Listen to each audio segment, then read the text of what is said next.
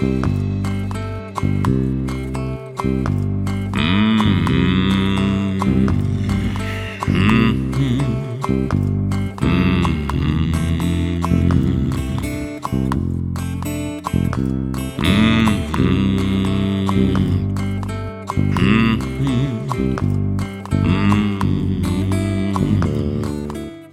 lok ásins 1981 var knastbyrnufélagið Augnablík stofnað. Lið þeirra vakti mikla aðtekli næsta árin fyrir almenn fýblalæti og uppákomur. Fræg er til dæmis sagan af því þegar að reynd var að stopna félagið hjá ISI. Þetta er miðjan. Ég heiti Hafliði Breðfjörð og Jón Óri Guðmundsson og Andris Pétursson rifi upp gamla tíma með mér í dag.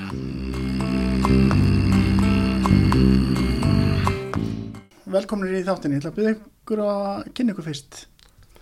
Já, ég heiti Andris Pétursson og var einn af stopnendum Augnabliks og fyrsti formaður. Ég heiti Jón Orri Guðmundsson, sama á Andris og var fyrst í varaformaður.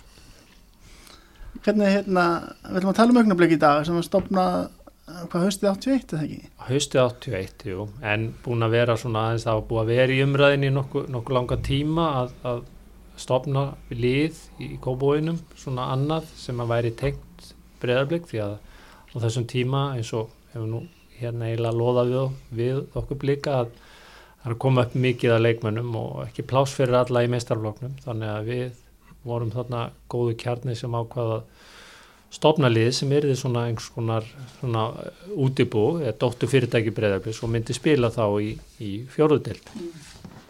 Þið báðir voruð að spila með breyðabliki, það er ekki bara 81 eða? Nei, ég, spila, ég spilaði í mistarflokki þanga til að ég var 20, 79, 79. þá hætti ég. og ég nú, náði nú aldrei eins langt eins og Jón var ég hérna, var því miður ekki nógu góðu til að hérna, komast í meistarflokk en æfði nú oft og, og hérna en svo bara mér langaði að spila þannig að ég svona hóaði í þessa góðu leikmenn sem höfðu hætt af ýmsum ástafum og, og við ákváðum sem sagt að fara í þetta að stopna lið þannig að menn hefðu svona vettfang til þess að hérna, bæði til að spila fótbolta sem að menn elska mm. og líka bara ekki síður sem að því að félagskapurinn er svo skemmtilegur eins og þeir sem spila fótbolta vita að, að helmingurinn af þessu er, er klefastemningin mm. fara í sturt eftir leiki fara út í sjoppu og fá sér kókoprins eða og svo þetta allar þessar ferðir sem að menn fara þetta, þetta er ómetanlegt mm. Varst þú ekki Jónari búin að vera í umlugjarlandsliðum og svo þessi? Mm, jú, ég var í 16 og 18. Akkur að hættu maður svona ungur? Ef maður er ekki með lappir af Guðsnáða þá ég fór báði, báðum öklum og báðum njám mm. og þá var nú ekki ekki neini sjúkra þjálfarar eða maður fór ekki til nutt eða neitt svoleiðis, maður bara ef það fórst í nára þá var það bara sömari búið mm.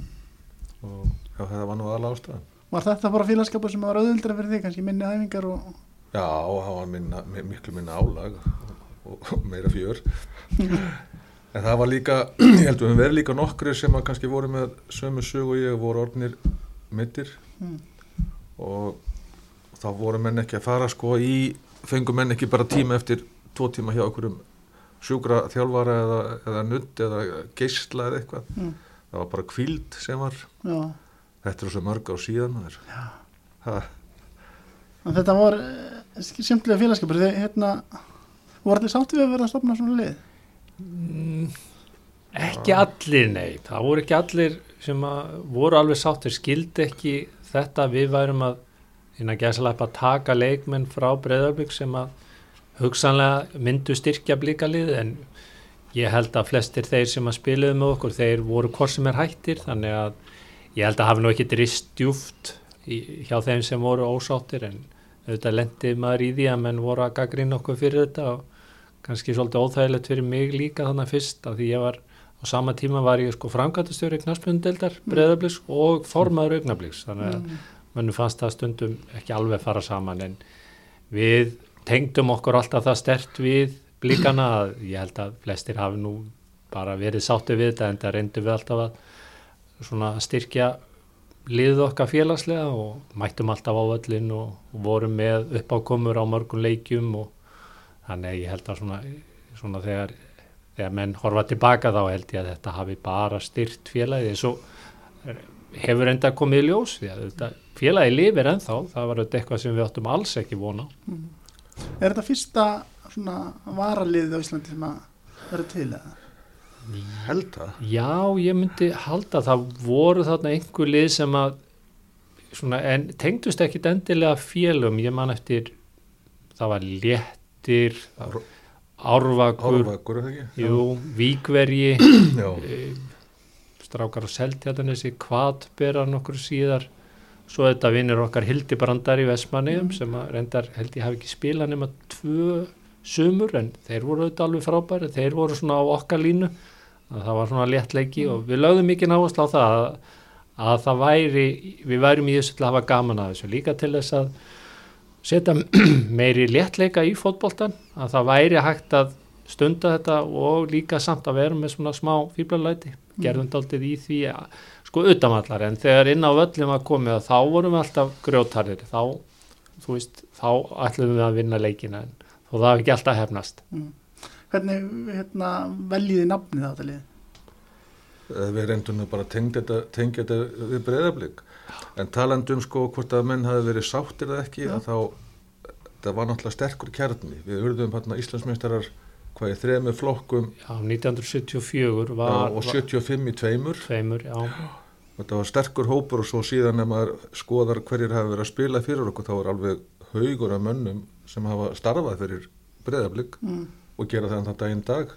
Andrisson og besta dæmið með það. Já, meitt Og þetta var í rauninni ekki spurning hvernig þetta ver- velja þetta nafn bara Nei, við vildum einmitt svona vera með svona eitthvað, eitthvað létt og þarna kom eitthvað sem að ég reynda að verða við kynna, ég man ekkert hver átti sko, hver átti nafnið, mannst þú það mannst þú það nokkuð orðið? Nei, nei, Þannig bara að, ég og þú.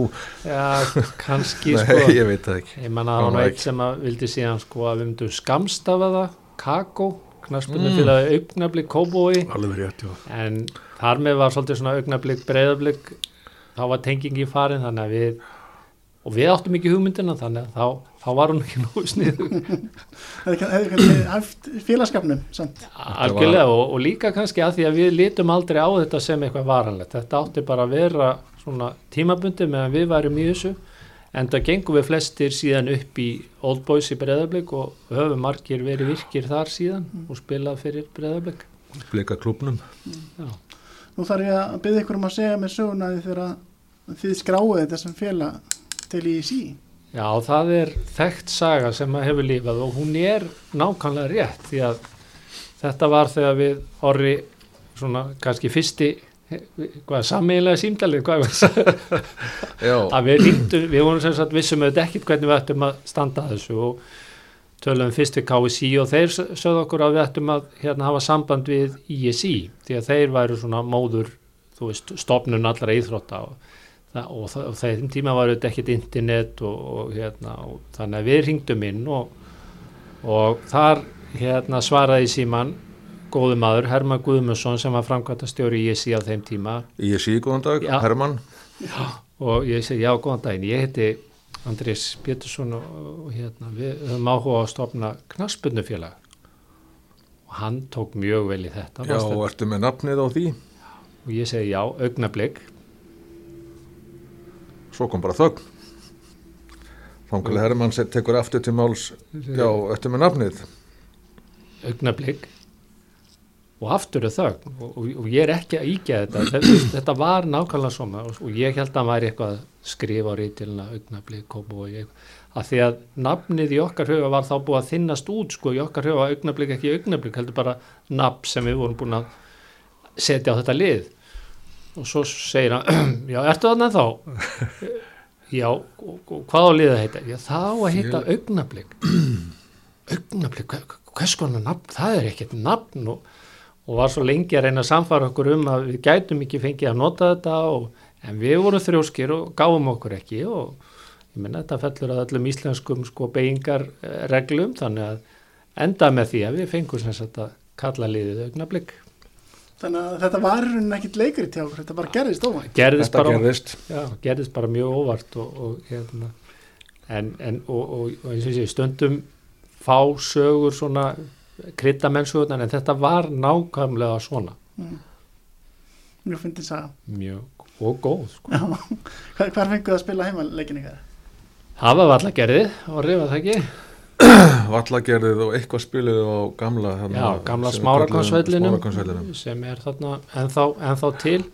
Og svo fórum við alltaf bónlið til Jónas af allastjóra alltaf ein, einu sinu og hann, hann svona af náð og miskun þá fengum við stundum að spila einn leik yfir sumarið á aðalvellinu Mm. Þá rifjast upp svo saga hvert einasta skipti sem við spiluðum eitthvað út fyrir höfuborgana þá sendum við Jónasi póskort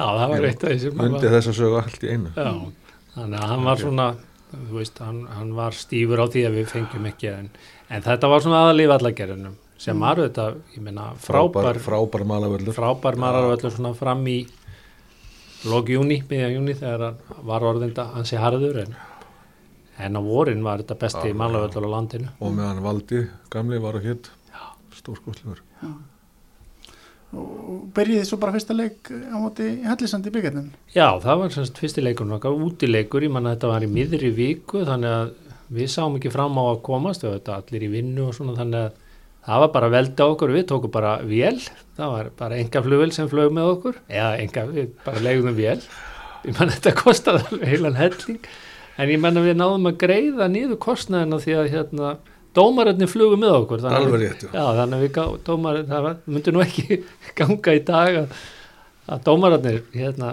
ég manna að það var Eyjólfur, ég- hvers svona, Kristjánsson.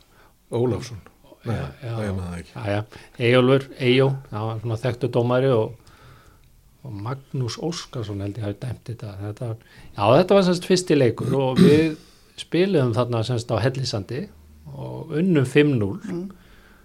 Og því miður við, ja, við, semst, við, við höfum komist yfir leikskísluna þannig að við vitum hverjir hérna spiluðu þennan leik en því miður þá kemur það ekki fram hverjir skoruðu mörkin í þessum leik og það mann það engin ég vissum að Jón Orri hefur nú skorað eitthvað. Ef ég spilaði, ég er bara jú, jú, Já, þú, svo, ok. já, já, Já, já. ég, þú ert þarna ég er með leikskísluna hérna. Þannig að þú ert þarna nú með tíu. Ok, þannig að, hérna, þannig að það er aldrei gaman að eiga þessi ekki tvíbyrði með það eh, nei, þarna hefur hann hefur örgulega verið meittur þarna því hann skoraði hann svo mikið já, reyndar Nú hefði þið átt að vera búin að sammælast um að segja að þið að skora þrjú og tönna. já, já, já, já.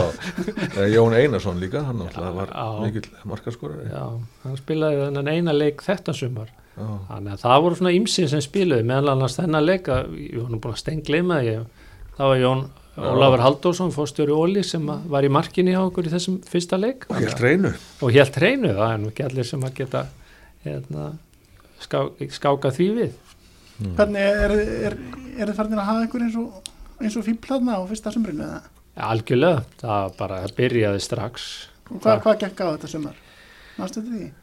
Já, hvað var aftur þetta fyrsta sumar? Við vorum alltaf, sko, Jón Orri er að mikill prent fjölskyldu, pappa hans átti prentsmiðju þannig að við höfum ómældan aðgang að, að alls konar bókum sem höfðu hérna ekki selst, að við sem fengum gefins. fengum gefin, skulum við segja, þannig að Orri þannig að við gáum alltaf ímsar, sko, ímsa bækur Orri, mannst eftir hvað bæ, bækur, við gáum Ah, það alltaf er einhver, einhver tíma var einhver mynd einhver staðar já, það, var bara æfisaga einhvers það var manns. æfisegur einhverjar og, Æfiminningar Einars Ólarssonar í lækja komi? já, já, það stemmir var það móti stokkseri Já, Já, það, sá, þessi, Það ma þessi maður er örgulega bara austan eða eitthvað sko. Þetta vorum ekkert að tengja þetta nýtt við Nei, þessi félag sem vorum að spila við. Já, ég man alltaf þetta líka þegar við fórum, flugum einu svona Ísafjörð og, og spiluðum við hérna, Ísfyrðinga í byggakefni og þá, þá unnum við hug og hjörtu hérna, áhörfunda með því að við höfum farið í hérna, Nóa og keft karmelur Já, þannig að við dreifðum hérna, karmelum meðal áhörfunda fyrir leik og hérna tókst að múta einhverju krökkum það til þess að styðja okkur í leiknum. Þetta gekk ágætlega svona fram í síðar áleik því mann það var 0-0 í hálfleik en við töpum reyndar setna áleiknum 5-0 þetta var nú yfirleitt þannig að eins og sé, þetta voru mjög margir góði knarsputumenni, við vorum ekkert í einu sérstöku formi, þannig að við töpum yfirleitt leikjónum á síðustu svona 10-15 mínútonum kannski, já, Það var oft, oftar en ekki. oftar en ekki sko. ég meina annars er svona eiginlega kannski eftirminnilegasti leikur en það var þegar við orðið þegar við spiliðum við FA í byggarnum í, kap, í Kaplakrika. Já, það er í lók mæ 83 já, nokkra í leik og þeir ekki mættir. Já, það Já. Var það. þið voru að segja okkur söguna af þessu? Já, við sem sagt ákvaðum það að klæmdum okkur úr að það ekki bara í kópa í vallagerðinu sko, ég man að Janus Guðljósson var að þjálfa FH þá og þeir voru í svaka formi og það var mikið jóka og alls konar bæði svona andleg- andlega og líkamlega líkamlega góðu, Já, svona í anda formi. Janusar. En við ákvaðum að reyna að tröfla þessa einbettingu með því að einmitt að mæti ekki nema bara rétt fyrir leik. Við vorum reynda búin að láta dómaran vita en hann lofaði því að láta ekki F-vangana vita. Mm. þannig að þeir voru farin að spíkspora og við sem sagt klættum okkur úr í vallagerinu vorum svo með þrjár limmusínur og, og móturhjóla fyllt og vorum með hérna, lífverði og við kerðum sem sagt síðan í kappakrikan og mættum sem sagt bara tveimum myndi fyrir leik skokkum við þar út eftir að lífverðin höfðu farið út og kannad allar aðstæður. gaf okkur merki að við gáttum farið út og við skokkum og okkur fannst þetta ofsalega fyndið og sniðut ég held að Janus og F-fangunum hafði ekki fundist þetta neitt. Þeir voru ekki hressir. Þeir voru ekki hressi, fannst þetta svona hálfgerð lítisvirðing byrjaði nú ekki verið því að þeir skoruðu sko eftir svona einhverjar 45 ja, við, sekund tókum, við tókum miðju, mistum boltan og þeir skoruðu. Já, þannig að maður segja ah, þetta á eftir að springi andlið þetta á okkur en, svo áttum við fullu trífið en svo áttum við alveg fullu trefið þá og hérna og leikurinn endaði 1-0 og við áttum dauða færi með þess að sko bara tímyndu fyrir leikslokk en kannski sem betur fyrir skoruðum við ekki því að við hefðum alveg sko sprungið að leikurinn hefði farið í framlengingu. En þetta er auðvitað þú veist auðvitað er maður ekki stoltur að því hafa tappa leik en samt 1-0 fyrir FH Já, en við gerðum, við gerðum það sem við gáttum við gerum það sem við Já. gáttum þannig að Sá nú okkur að ljósmyndir að þessu þetta vekur náttúrulega miklu fjölmjölu aðtekli þetta atvik en þá voru lífverðinni mættirinn og völlaðræðið dómaran Hvað Já. gekk, maður stætti þessu eða ekki? Já, voru ekki tvei lífur og svo var Haldur líka Jó, svo var Haldur Halldór- Haldursson Halldórsson sem að var nú þekktur í það.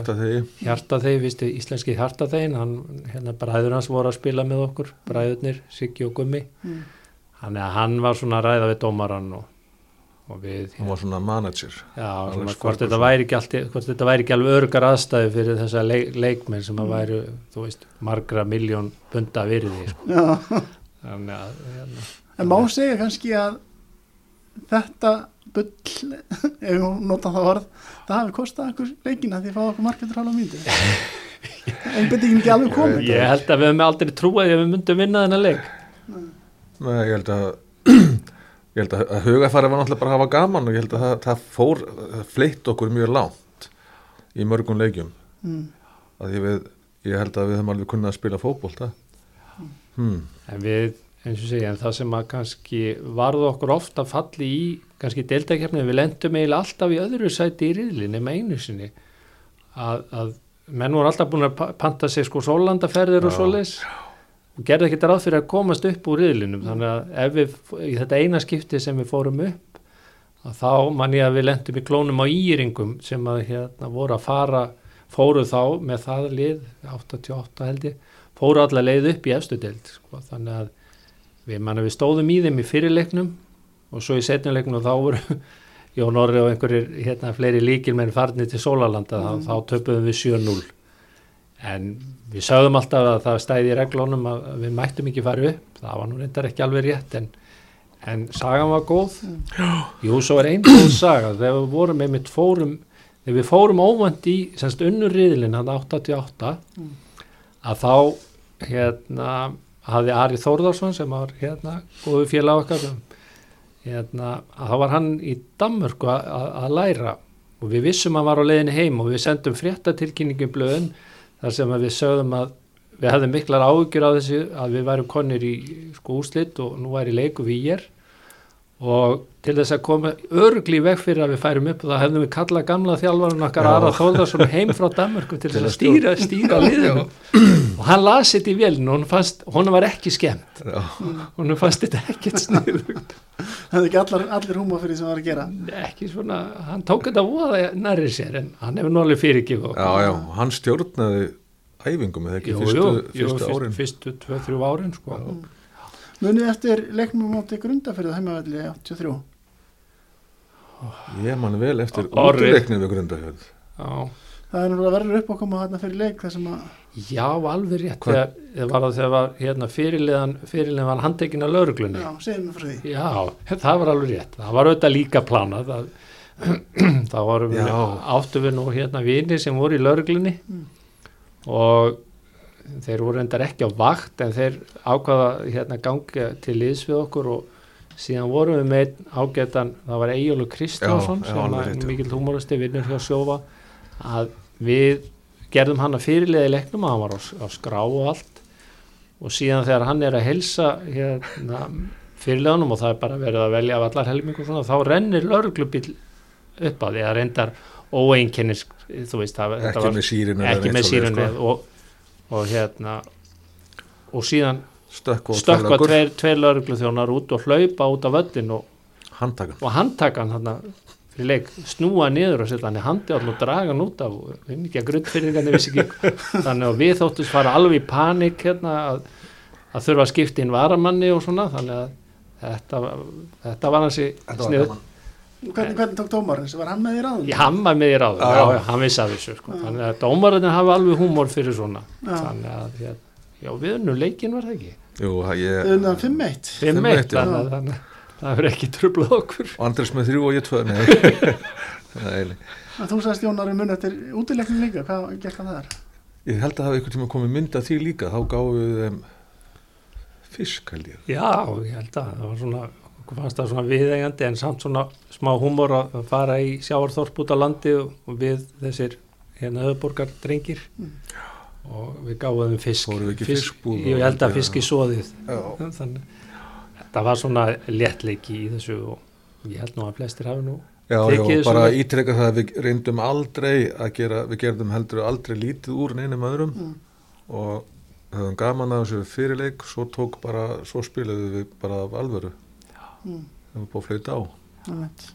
Ég man eftir leik, Var engin- hvað var það aftur, Mm. það var einhvers, hvort það var í þeim leik, það var eiginlega ekkert okkur að kenna að þakka það neitt, ég man það að það var vandraði í leiknum að því það vandaði línuvörð og það var einhver, þarna bara munstaraður úr hérna, áarunda, fyrir vestan, Til- á já. Grundarfirði, ok var líklegast á grundafyrði, ég þóri ekki alveg að fara með það, ég man alltaf eftir en, en sá kunni ekki reglunar mikið, þannig að hann var ítrekað hérna bara svona offside og þannig að lókun gafst dómarinn upp og hérna rak línuvörðin Mm.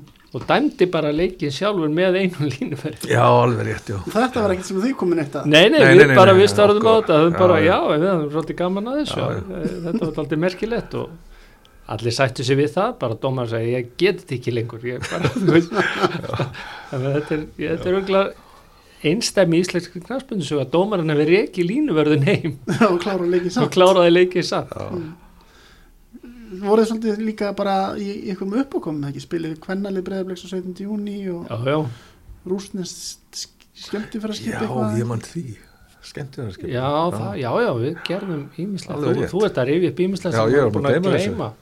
En ég held að frægast upp að koman var nú þarna þegar við spiluðum við Hildibrandana frá Vestmanni. og þeir voru svona svipaðir villisvín. Þeir voru alveg til og eiginlega kannski jafnvel, ennþá djarfari, ég gleymi þessu aldrei því að þetta var þannig að við vorum búin að tala við og við vissum eiginlega ekkert hvað þeir ætluðu að gera en þetta var semst í hálfleik á leik Breiðablis og Þórs á mm. Kópavóðsvelli var þetta ekki 84 held ég minni mig ég, kannski skiptir ekki máli en, Nei, en við mættum þar sem sagt í, í hérna Kvenmans sundfötum. Ah, og hérna og í bara, jú, í fótboltaskóm og eitthvað, en þeir komu þarna í sínum þeir voru nefnilega mjög flottum búningum þeir voru svona gamaldags búninga, reymaðir sko svona í hálsinn og, og í, og í sok, flottum sokkum og svona og síðar buksur, meðan við vorum allir þá á þeim tíma voru þessar þröngur sem náðu alveg upp í klof sko.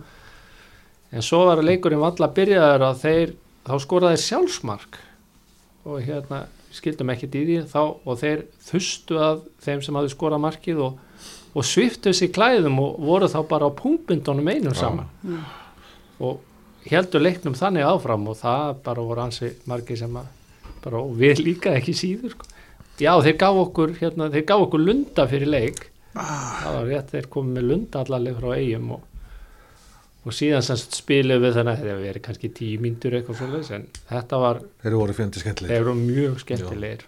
Lítið þið ekki á þá sem einhverjum svona samgjöfni þá að- Nei, við veitum Nei, bara samherja eitthvað. Við lendur reyndar aldrei með þeim í reyðli Nei, því miður, Mm. það hefði verið geta við um vilja heimsækja það til eiga En hvernig verður þessu uppákoma til að þið er að spila þarna í hálfleika og breyðarblik þóri? Já, það er bara til að, að því bara síndi auðvitað tengslinn við breyðarblik og þá var oft verið að, að vera með einhver, þú veist, það komið söngvarar og sungi leikli og það mann eftir að einhvern tíðan kom sko Já. maður með boltan sko í, í falli sko í, nei svona á sviðdreg Svifdreka. sviðdreg og lent á vellinum og kom með keppnisboltan Mm. þannig að það var svona alls konar hlutir í gangi þannig að við vorum svona við áttum að draga að þannig að það væri svona stemning í leikli En hvernig var það? Voru þið að fá áhundur á leikin ykkar, einhverju viti? eða? Á nú ekki margir ekki margir en það var einhverja leiki þá komu áhörundur jú, jú, það var svona þetta var svona vinnir og kunningjar já, já.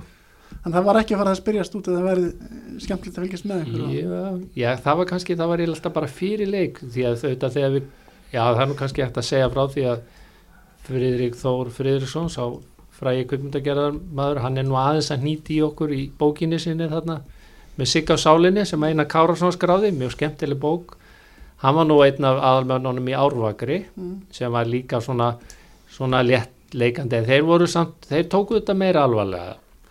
Og hann svona er með svona smá skot á okkur að, að við höfum verið með hennar léttleika en leið og við komum inn á völlina þá höfum við verið sko erfiðar en anskotina og þá var engi léttleiki. Mm.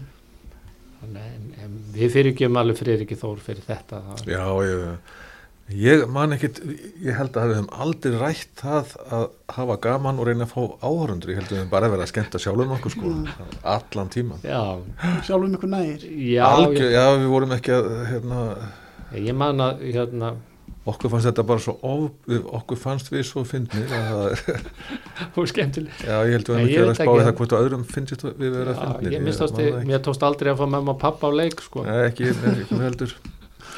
En þið reyndið samt að fá áhundur að þið, þið verið að segja mér söguna sem er trapandana og... Já, Orri, vilt þú segja Nei, ég man... Manst ekki það? Nei, ég... Jó, þegar við hérna fengum, það var, það voru samtök starfandi hérna sem heit Skinsimin Ræður sem var félag trapant eigenda á Íslandi, það var hann hérna, ah, hvað hétt hann áttur hérna, var hann ekki eitthvað búnaðaráðgjafi eða ah, veist það er búin að gleyma nafnu, það var hann skemmtilegu kall og þeir voru sagt, með svona þetta skynsemi ræður að, að þú ættir eiga trapant, þú þyrtir ekki eiga dó, stórar amerískar drossjur til þess að komast á milli staða. Og við fengum þá semst í líð með okkur fyrir einn heimaleikin og, og við fórum sko þá í hala, eða svona semst, við hýtum upp með að hlaupa góðan ringi kópúinum með eina 20 trapanta sko, Já, þannig að þeir kerða undan okkur flautandi og, og við vorum með fána og. Og vorum ekki að við með, einhvern tíðan vorum við með hérna, gustara Einu sinni komum við á Hersbæki, já, það, þá fengum við gust með okkur. já, Eða, eða Pétur pappans. já, já. það var, þeir Við komum inn svona hestum. já, kom Það er einu svona hespa Allt liðið bara. Já, Já. já. það var svona, ég man að það, það voru ekki allir góðir hestamenn Nei, nei. en En það, það var- nú ekki riðið langt. Það var svona. það var eftir bara stutt Það var gaman.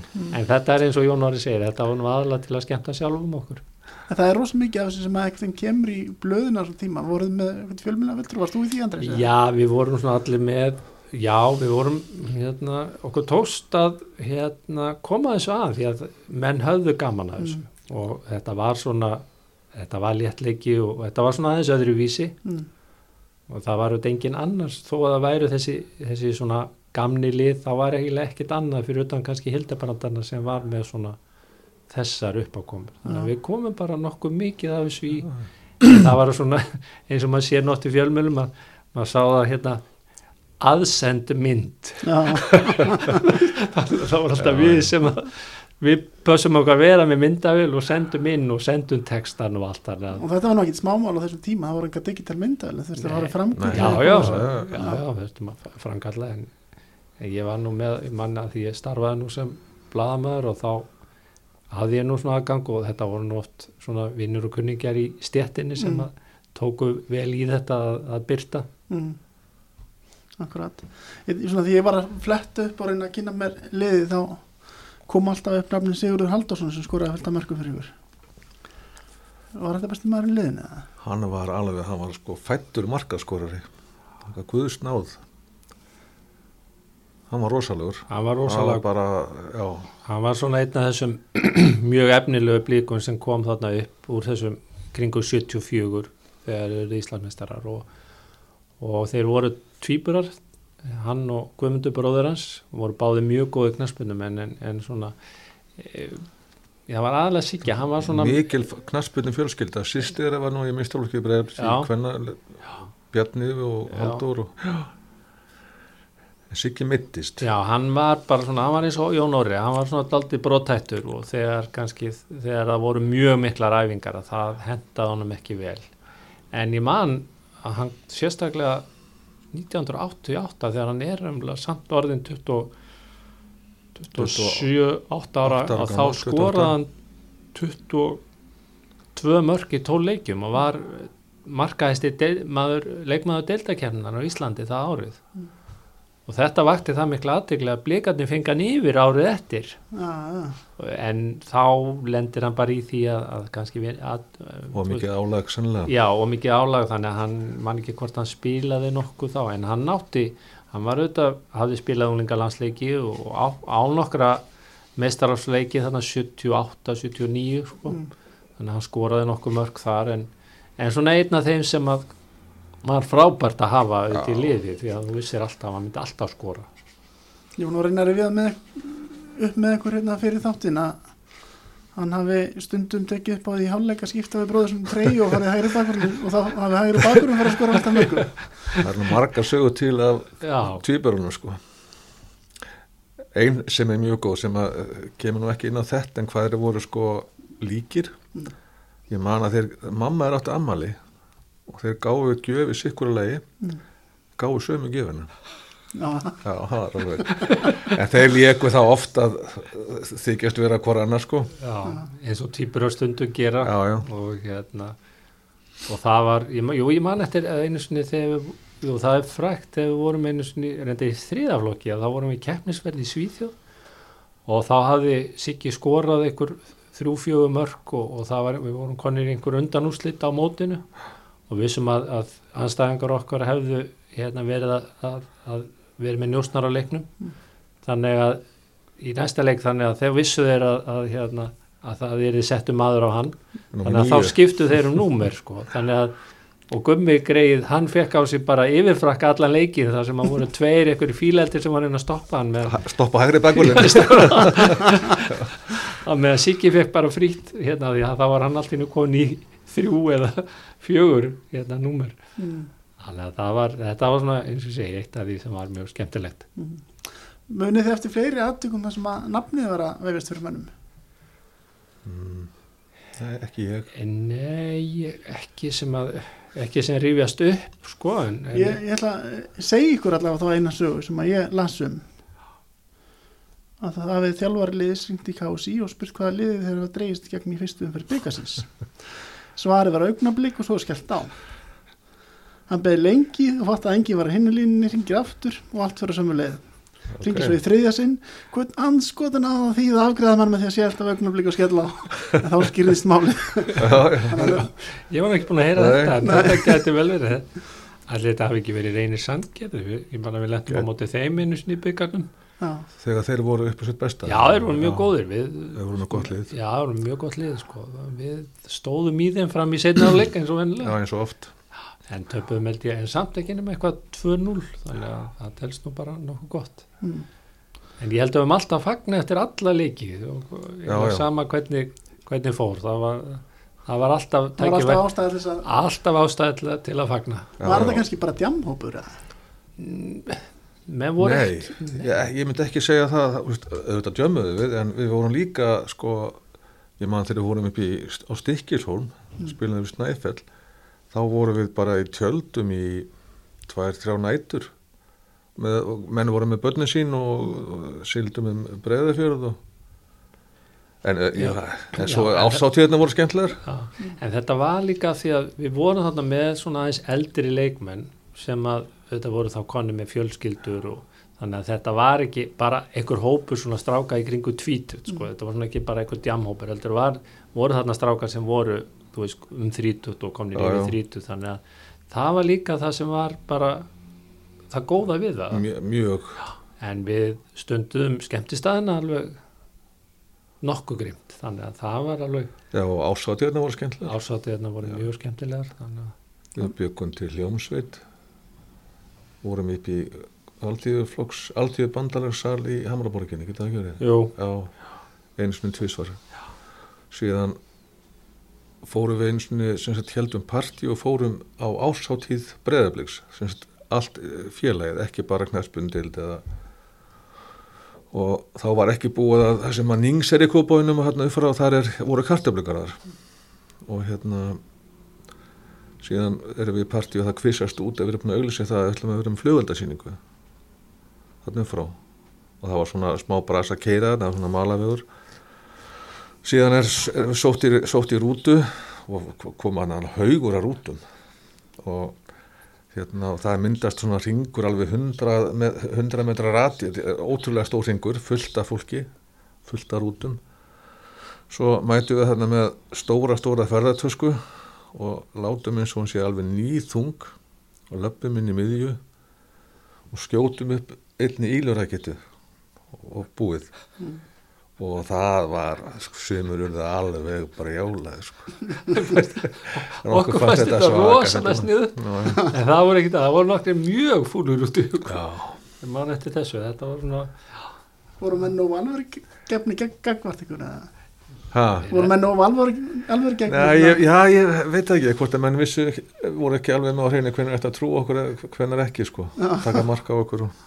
að því vorum að tala um svona skemmtanir þá verðið þið að reyfi upp fyrir með Ísafjörðarferðina það voru tvær.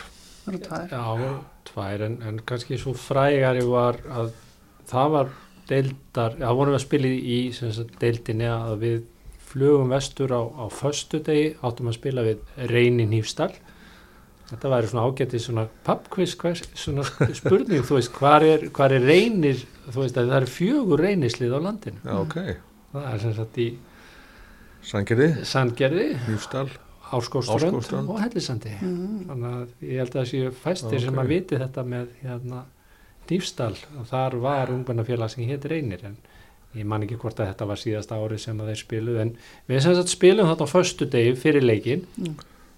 Og, og vinnum hann og keirum svo til Bólungavíkur og áttum leik þar daginn eftir. Og vorum auðvitað að spara því það kostaði auðvitað heilmikið að fara með held og við auðvitað borgum þetta alltaf, alltaf beint bara úr okkar eigin vasa auðvitað.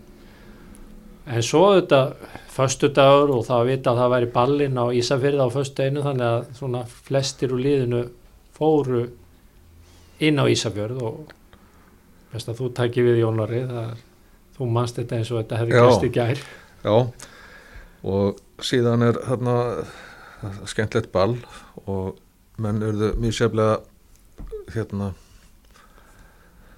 í mjög sefni ástandi eftir, eftir ballið og einn af okkur hann hérna finnur svona ónót í maganum og eina leiðin til þess að losa við það er að bara losa sig við eitthvað úr maganum og það vil svo illa til að það fer yfir skanna hvíta glænýja skirtu sem hann var í sem að konan hans hefði kift í útlöndum bara vikunni áður og hann var alveg mjög sína hann, hann. Það var alveg ofbúslega fallegt veður þetta kvöld á Ísafjörði og, og hann lappa bara út í sjóin úr skirtunni og svona þværan eins og hægt er að þóna í, í sjónum. Og lappa svo að staði yfir í Bólangavík og fær að vísu far einhver, einhver hluta leðurinnar og svo síðan vöknum við morgunin og þá voru þessi svakalega líkt og vinnur okkar, já, heyrðu, ég bara eiginlega þurfti að lappa í sjóun og þvó skýrstuna og, og já, ok. En svo fattar hann það að hérna, skýrstan er, er ekki á staðnum hann hefur mistað hann eitthvað á leiðinni. Svo erum við að fara hérna daginn, daginn eftir eitthvað eða í flug. Já, Nei, við erum bara í rútu heim. Rútu heim eftir leikin við reynda töpum Já. þessu leik kannski, en ekki nema þrjú tvö já, já, og erum að Við- keira hérna úslíðina já, og menn er að djóka já, já, ég má ekki segja nafnið.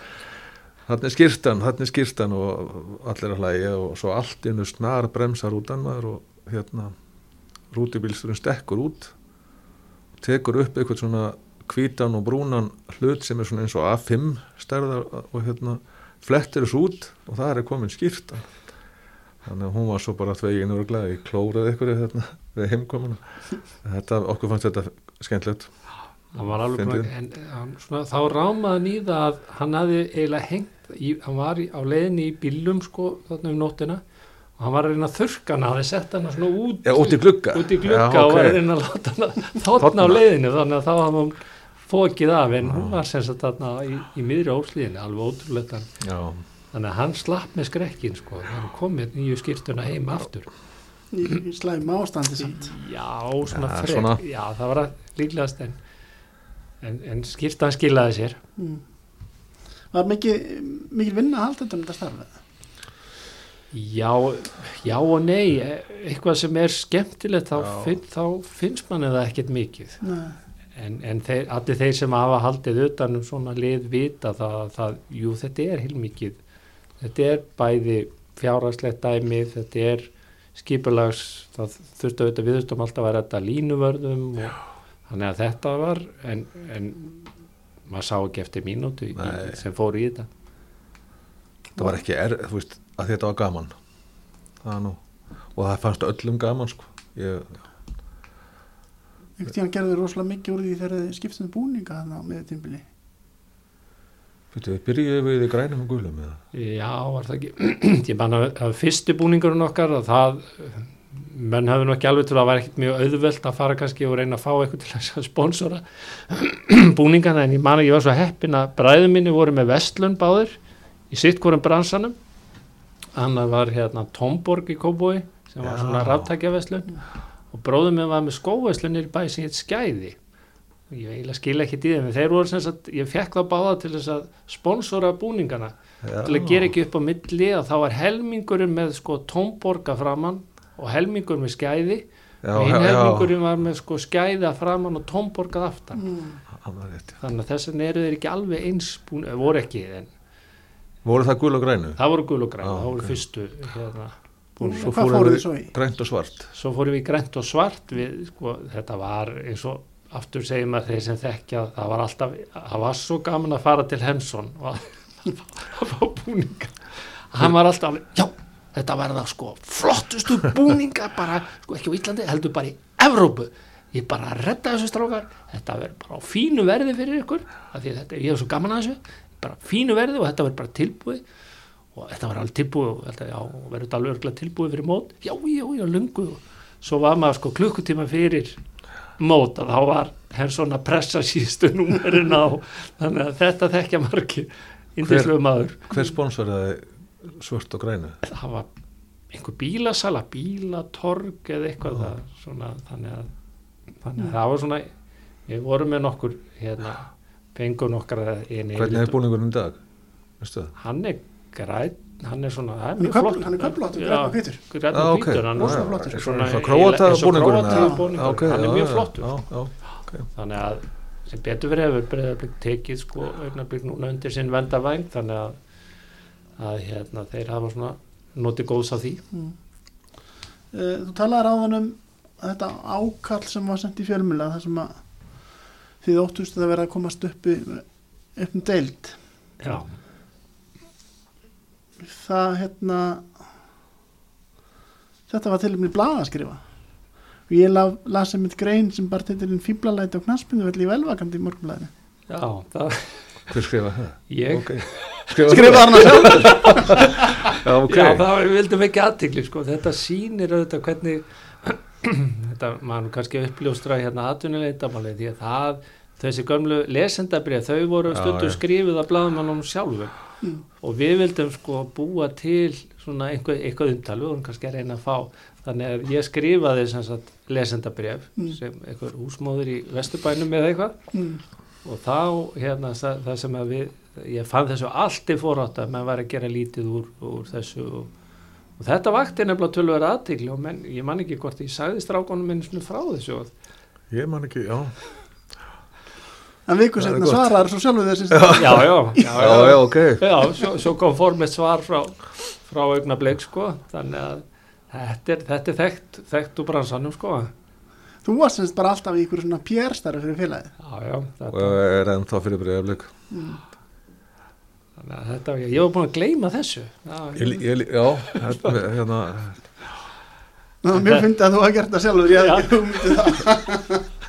Þannig að það er ímislegt gert sko til þess að hérna, vekja aðtikli á og hérna Ég höfði við með ammæli næsta ári. Já, Ok. já, það er bara stór ammali, það er rétt.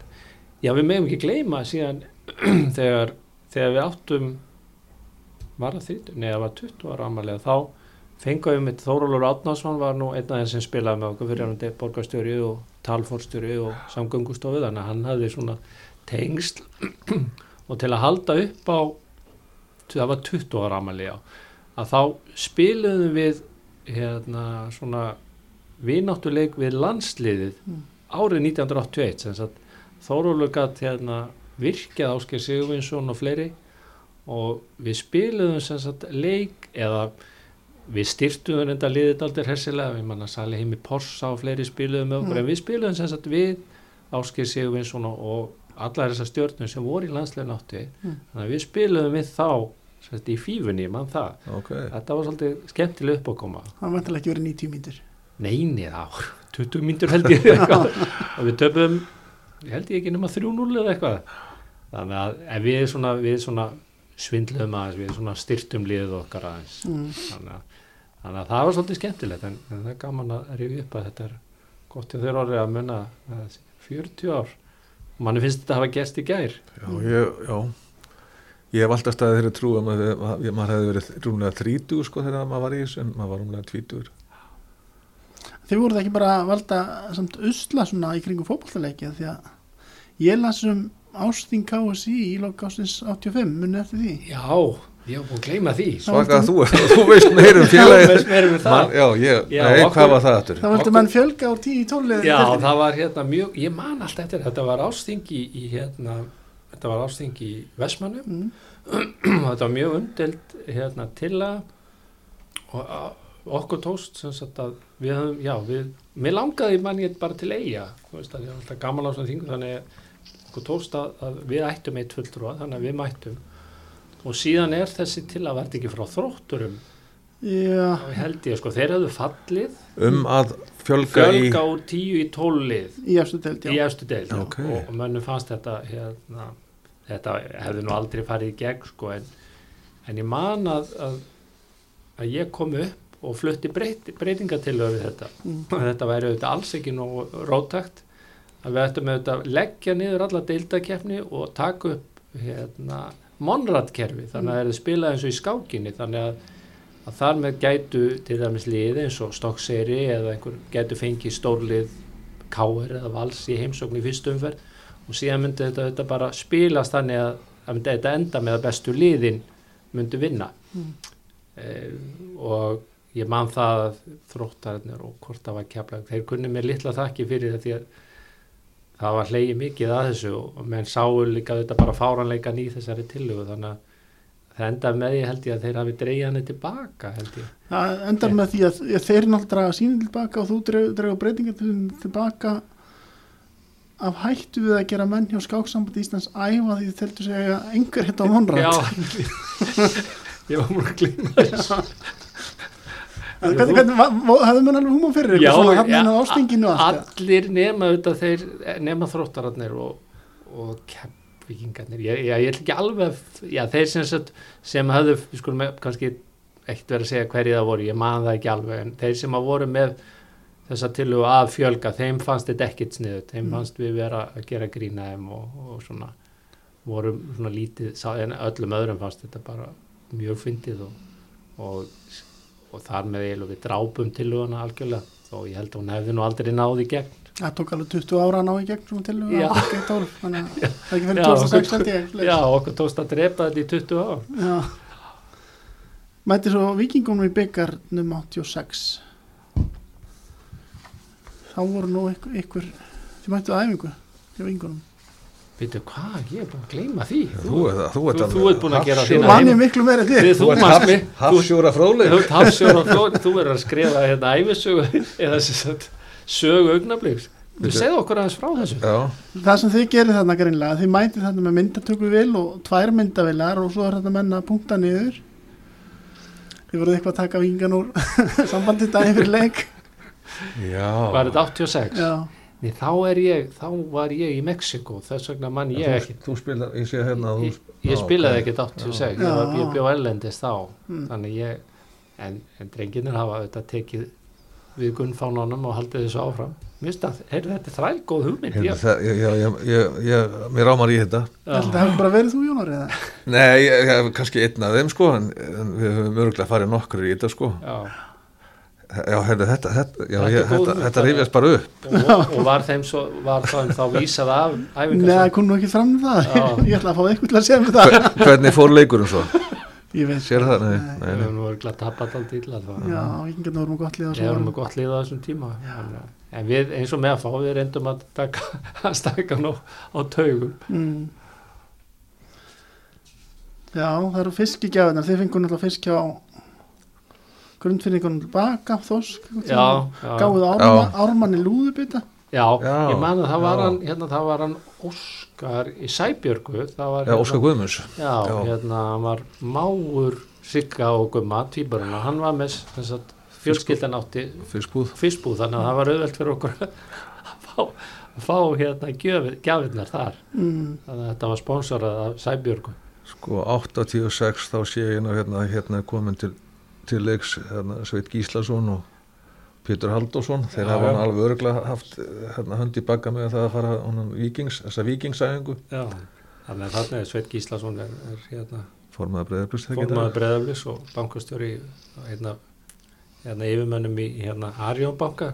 Kann, kann okkur kannski litlar þakki fyrir að segja frá þessu en hann, hann var mjög skemmtilegu maður og, og, og er þannig að hann var alltaf til í, í svona að, að hérna, Hress og Kótur hress og kátur og, og, og, Pétur sí- líka. og Pétur Halldórsson sem er frangvöndastjóri Nox Medica. Mm. þannig að, að þeir voru tilbúinir að, að já svo þú kannski kemur á þess að svo fórum við í eina auðdalansferð Já, segðu mig frá því. það var nefnilega mjög Þú- Orri Ég misti, þú misti því miður af henni. já. þú varst í, í lífsbaróttunni var, en þetta var þannig að Hver hver varst þú Jónari?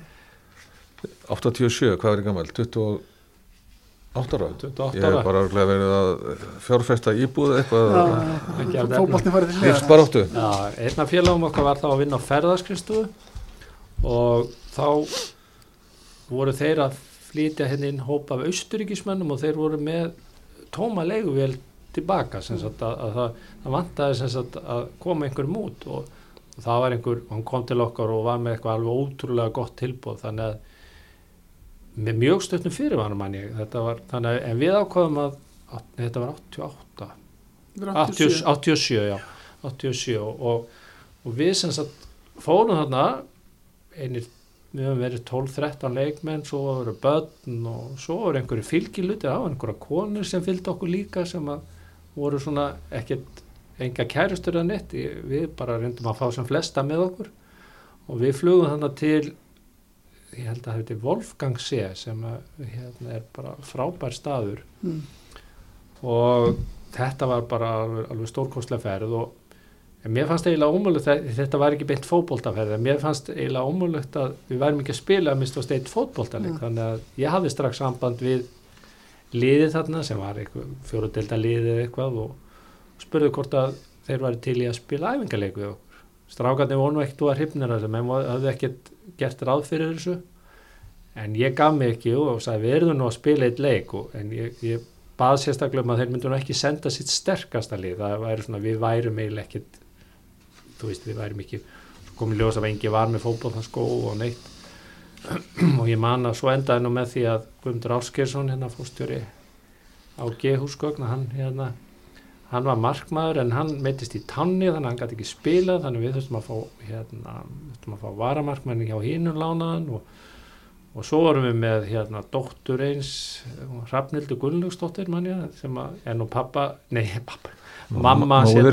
hérna, móðir hérna hann segir Guðmundur Andra Tryggvasonar, mjög góð knallmyndukona hún var held ég 15 ára eða 14 ára og hún spilaði með okkur og við vorum með einhverja þannig að við vorum nú ekki með neitt sérstætt svona á, á pappírunum sérstætt lið. Og ég man alltaf eftir því þegar við byðum hann fyrir utan bara í æfingaskónum og við heyriðum svona tak, tak, tak, tak, tak, tak, tak, þar sem að hérna, liðið var að koma á sko á grastökkunum sko eftir veist, eftir hérna, steiftum ganginum og komið út hann í brakandi aðditaskölum og menn lita á mig og segja, "Þetta er ekki lægi með þig?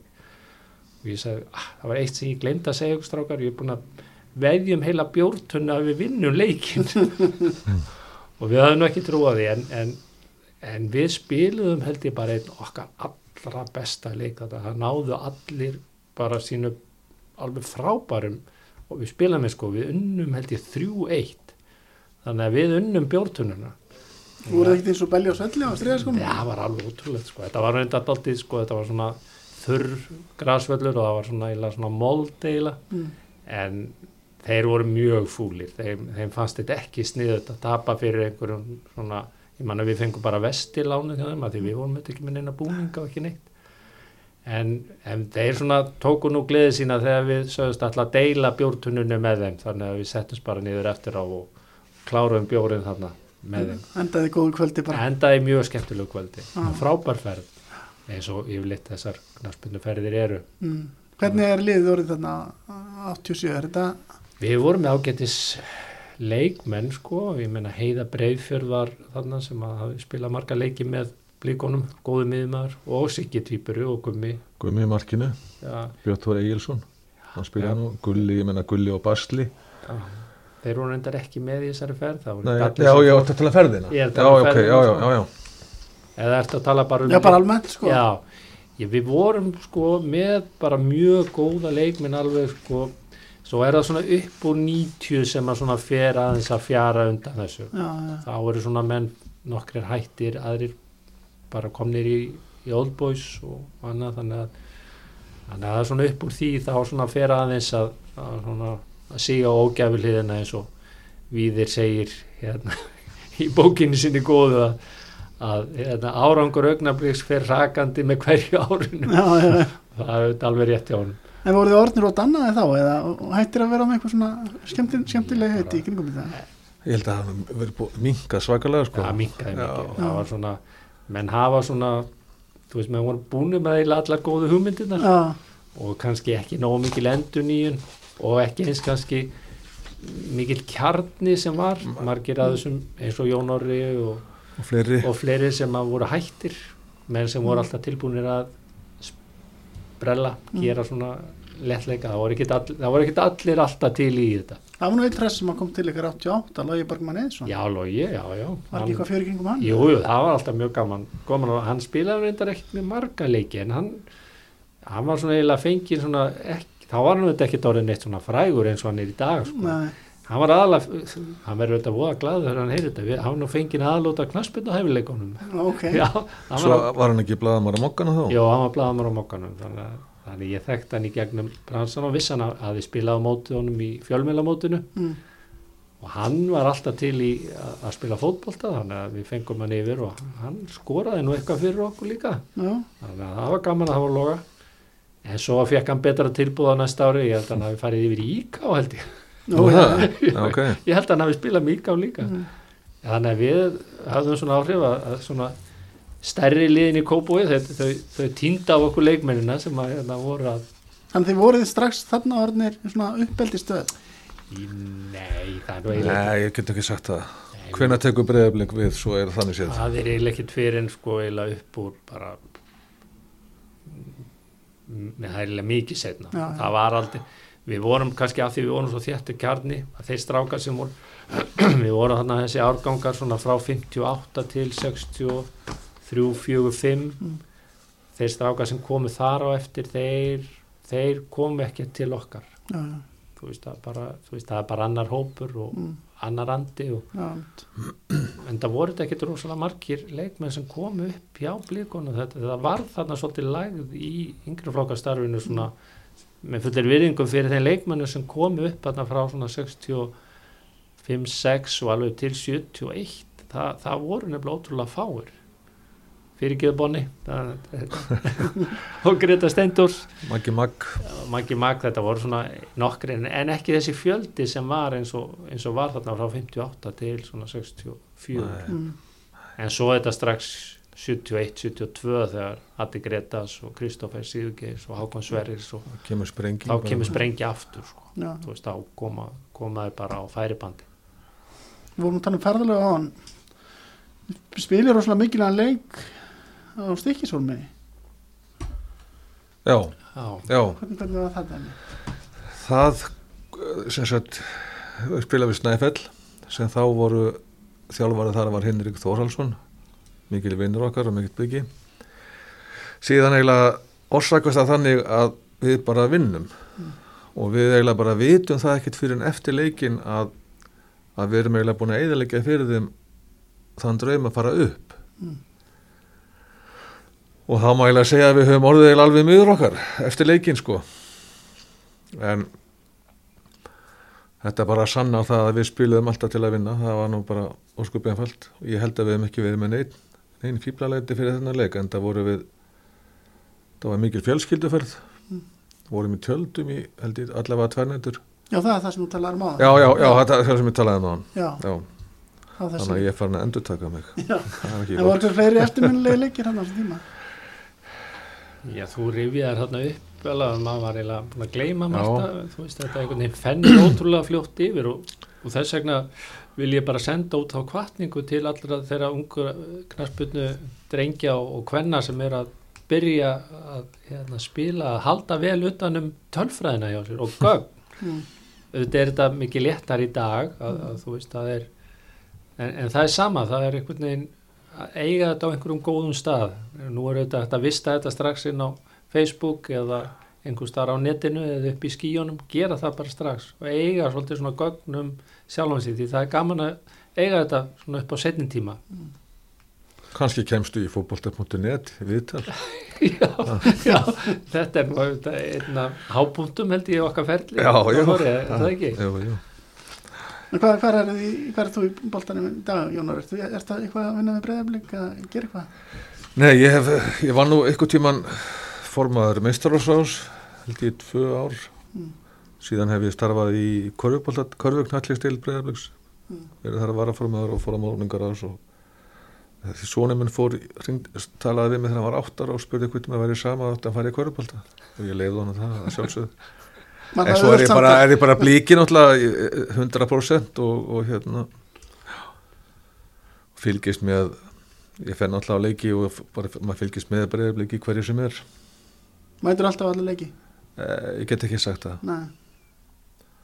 og vestæglega þetta sjónvarpi komið með að fara að sína allt og mikið Já, þá tekur þetta bara oft heima. já, já, þó ég sé fimm myndir að lappa Sem, sem er 2020, er það jákvæmt þegar það komast þú að fá þér á leiki, veintilega? 100 manna takmarkað eitthvað? Já, ég, ég, ég held, ég hef fulla trú okkur, okkar mönnum í sumar, sko. Vilja vera ofbúslega gaman að fylgjast með þessu liði. Já, Og við erum með bara mjög spennandi og kannski uh, svolítið sérstakka þjálfara. Gaman að sjá hvernig hann tekur á þessum drengjum. breytt andrúslótt svolítið, það var svona, Já, já, þetta verður öðru vísi. hann ætlar að sækja, sækja mikið. Já, ég hef fulla trú á honum, Andrés. Já, þetta verður mjög skemmtilegt þetta er raunverulega eins og, eins og hann sagði og hann kom nú á fund með okkur stöðnismönnunum og sagði baðum svona eins og Ólafur Ragnar svona tilfinningarlegt svigrum fyrir í fyrstu leikjunum. Ok, að hérna menn eru ekki of dómarði því það myndu koma þú veist leikir þar sem við myndum tapa hugsanlega stórt. Mm. og það varð raunin. En þetta lofaði mjög góðu þannig að eins og segi rétt áður en síðan allt var lokað. Þannig að vonandi bara er þú veist grunnurinn það góður að menn geti bara starta því sem að hann var komið með liðið á Mm. en svona því þú ert að tala um þú veist hvort að menn séu tengdi félaginu og það er svo gaman að, að þessi hópur sem að tengdist og það var alltaf, alltaf áallinu, það var alltaf hugsunin að, að, að, að missa ekki strákana í burtu Já. frá félaginu heldur að hafa þá tengið það lengur í nokkur ár og það er alveg raunin að þessi kjarni sem var þannig í kringum öfnumlik, hann er sá sem að bæði hefur tekið þátt í félagsstörfum flestir mæta á ég segi ekki alla leiki en, en, en mæta mjög vel á leiki og koma á ásáttir og, og uppákomur og annað sem að Herra teng- kvöld. herrakvöld og annað þannig að það, þannig að þeim árangri náðu við Mm. að, að tengja menn svona órjúvanlegum böndum við félagi þannig að Mm. þeir, þeir myndu ekki fara í burtu og aldrei koma áttur því að það er eins og öll félag þekkja það, það er þetta að halda tengslum við Já, allan að fjölda sem er hjá félagunum í gegnum yngreflokkana menn sko lifar hærast í en síðan einhvern veginn þegar upp í meistarlokka komið og mjög fáir komast að það er bara, bara þessi arði, arði veruleiki að þá missa félagin svo oft þessa, þessa stráka og stelpur í burtu. Og, og, og erfitt að fá þau í einmitt þessi félagstörf og annað sem er svo nöðsynlega til þess að félagin geti lifað eins og við vitum þau félögin, lífsnöðsynlegt. Félagin eru bara standa og falla með þessum sjálf, sjálfhóðalið Þú sjálfur, þú hefur unnið svolítið mikið fyrir félagi, þú varst formaður sérna. Já, já, ég var formaður og, og hérna, Þriðja félagi sem voru formaður, já, eða ekki? jú, reyndar ég, Hvaða störfum hefur ekki hérna, já, hef ég ekki gengt, ég hef, ég hef ekki verið gjaldkerri knaspundeldar, það er svona held Nei. ég áraglega eitt að erfiðasta. Reyndar sagði nú Þorberg Karlsson sem að hafi verið hérna, formaður knaspundeldar og svo var hann formaður knallisteldar. Hann sagði það hefði nú ekki verið neitt þegar hann þurfti að taka við sem gjaldkerri körfuknallisteldar, það hefði verið er nú, já, já. Nei, nei, en, en ég bara borið þá gæfu að, að hérna, búa í kópáinum, vera nálat, strákurinn minn æfði með félaginu og, en ég hef alltaf tengst í gegnum eldriflokkastarf og, og verið í stjórnastörfum og þannig að veit mér ómælt ánægju, þannig að maður sér ekki eftir einn einustu mínútu sem hefur farið í þetta, þetta er bara svo gaman og, og veitir manni svona lífsfyllingu. Þau erum að aðalega að tala um samt augnabliki sem þetta voru þið ekki stoltir að því að það bæði búið að spila Európamót og hinsmestaramót og þar voru tveir leikmenn sem að spiliðu með augnabliki Já. Sverri Ringi og Alfred Fimboðsson Já, það er, Já, já, já, það er alveg ótrúleg, ótrúlegur árangur og góð sýnir arfleið.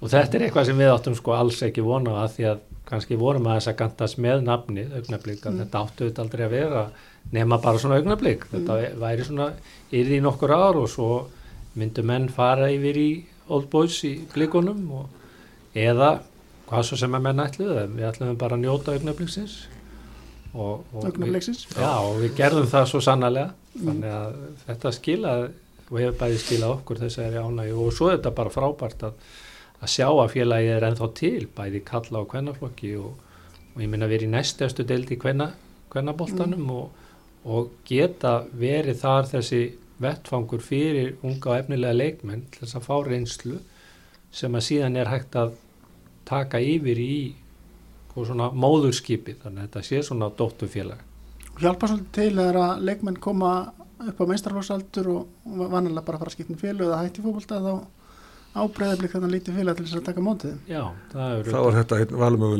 Já, Þetta hefur hefnað sérstaklega vel í kvennaboltanum. já, Þú veist það sem að stelpur bara niður í þrýðaflokka er að spila og fá ótrúlega góða reynslu og, og ég held að við eigum eftir að sjá á komandi árum að margar af þessum stelpum eiga eftir að, að hérna ná langt í kvennaboltanum Mm. út af þessari reynslu. Þetta er ekki ennþá kannski komið jafn mikið í kallaboltanum en, en liðið er þó í þriðu deild og, og ég veit að það er metnaður að gera jáfnvel enn betur og, og, og það, nú er búið að stopna þriðja liði sem á að verða svona enn eitt dóttu fyrirtæki eða dóttu félag breyðarbleiks fyrir þá leikmi að því þetta eru þetta svo gríðalegu fjöldi sem er að koma upp Mm. þannig að vonandi hefnast það að, að, að, að tengja leikmennina við félagi þannig að, þannig að við séum að búa til tilvonandi já, stjórnamenn, stuðningsmenn sponsora, þú veist, menn fari inn í fyrirtæki Mm. og komast í góða stöður og þannig að það sé síðan hægt að leita til, til þessar aðalega varðandi sko, stuðning. Þetta félag átti að upprunnulega að fá aðra útfæslu á nafninu og heita Blix og það ekki? Jú, en, en þeir, þeir fengu ekki, þeir, þeir voru ekki nóg þrjóskir, ég veit ekki hvort að hérna, við fengum að við komist í gegnum með augnablik en Blix fekk vist ekki náð fyrir augum mann, mannanafna nefndar eða Mm. þannig að það, það férst ekki samþýtt þannig ég held að það eigi að heita smári eða ekki að smárin Mm. Já, já, já. það verður sem sagt Já. Þið hefðu átt að fá þetta verkefni að taka þetta símtal.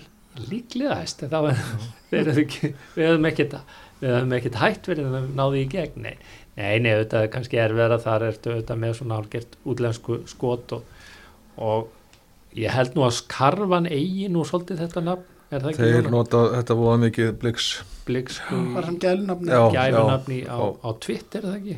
jú bara í allir umræðu held ég. Allir já. sko. Þannig að, hérna þannig að kannski fótboltinn hafði ekki kannski að- neinn eigna rétt á þessu nafni Spyrir ykkur að lokum hvernig ætla að fagna 40 árum næsta ári.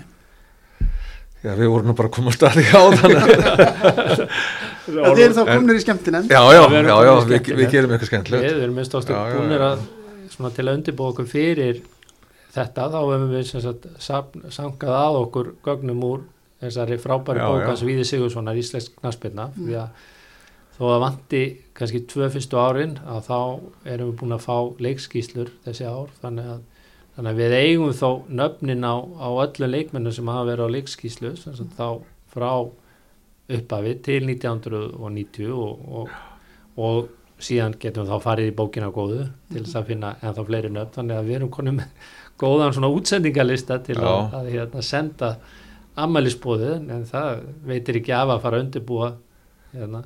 Er ekki bara fljótlega eða við, við verðum í samband Andrir Já, Já.